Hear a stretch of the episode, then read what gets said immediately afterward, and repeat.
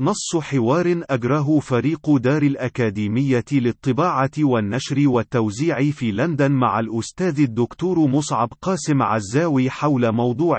لغة الفساد والإفساد. فريق دار الأكاديمية لطالما شكوت من سطحية اللغة المستخدمة في الإعلام العربي، وضعف قدرتها الاختراقية لكشف الحقيقة للفئات الاجتماعية الشعبية في المجتمعات العربية، فما هو برأيك المسوغ لتلك الشكوى السرمدية؟ مصعب قاسم عزاو إن اللغة حامل ووسيط لتخليق الأفكار عقليا، ومنبع قدرتها على تحقيق ورسم صورة معرفية واضحة مرتبطة جوهريا بشفافيتها ووضوحها البنيوي والوظيفي، وفعليا يصعب على كل عاقل التعرف واكتشاف الحقيقة في حال عدم امتلاكه للمفاتيح المعرفية لذلك. فمثلا لا تستطيع المطالبة بالحرية الفكرية والعقيدية والتعبيرية إذا لم يكن لديك وضوح منهجي للمدلول اللغوي المعرفي والفكري والتصوري والمفهومي لمعنى الحرية في سياقها التاريخي والحضاري، وفي علاقتها المتأثرة في الظرف التاريخي الذي تعتقد بضرورة توطنها فيه وتحققها في سياقه بشكل عياني ملموس مشخص. Nelson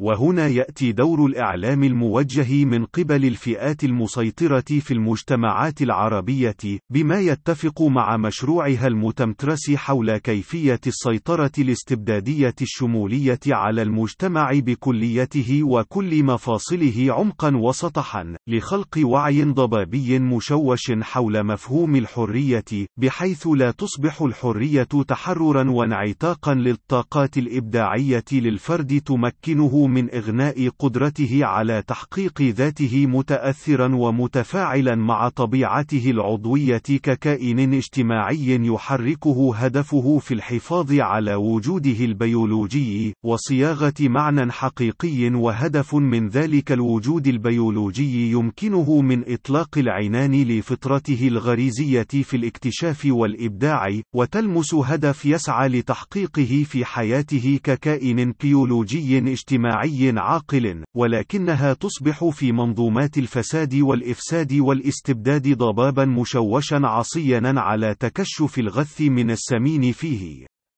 فقد تصبح الحرية في منظار ماكينة الدعاية الإعلامية للنظم الشمولية الأمنية تحررا من الاستعمار، وحرية في اتباع نهج القائد الفذ الملهم الذي بقدرته الشمشونية وحدها سوف يستطيع المواطن المسحوق ومجتمعه المتشظي المهشم التخلص من رواسب الاستعمار التي يحركها في المجتمعات، وكأن النظم العسكرية الأمنية ليست منها أو استطالات وظيفية لها. وقد تصبح الحرية في النظم الريعية النفطية حرية في شراء كل ما يتيح لك نظام السوق الحر شراءه، حتى لو كان حرية وحياة كائن بشري آخرة، باستعباده مستغلا حاجته المادية الملحة، كما هو حال الملايين من العمال الآسيويين المقهورين المظلومين الذي قام على أكتافهم عمران الكثير من الحواضر العربية على شكل قصور عن رخام بين كثبان تيه الصحاري العربية.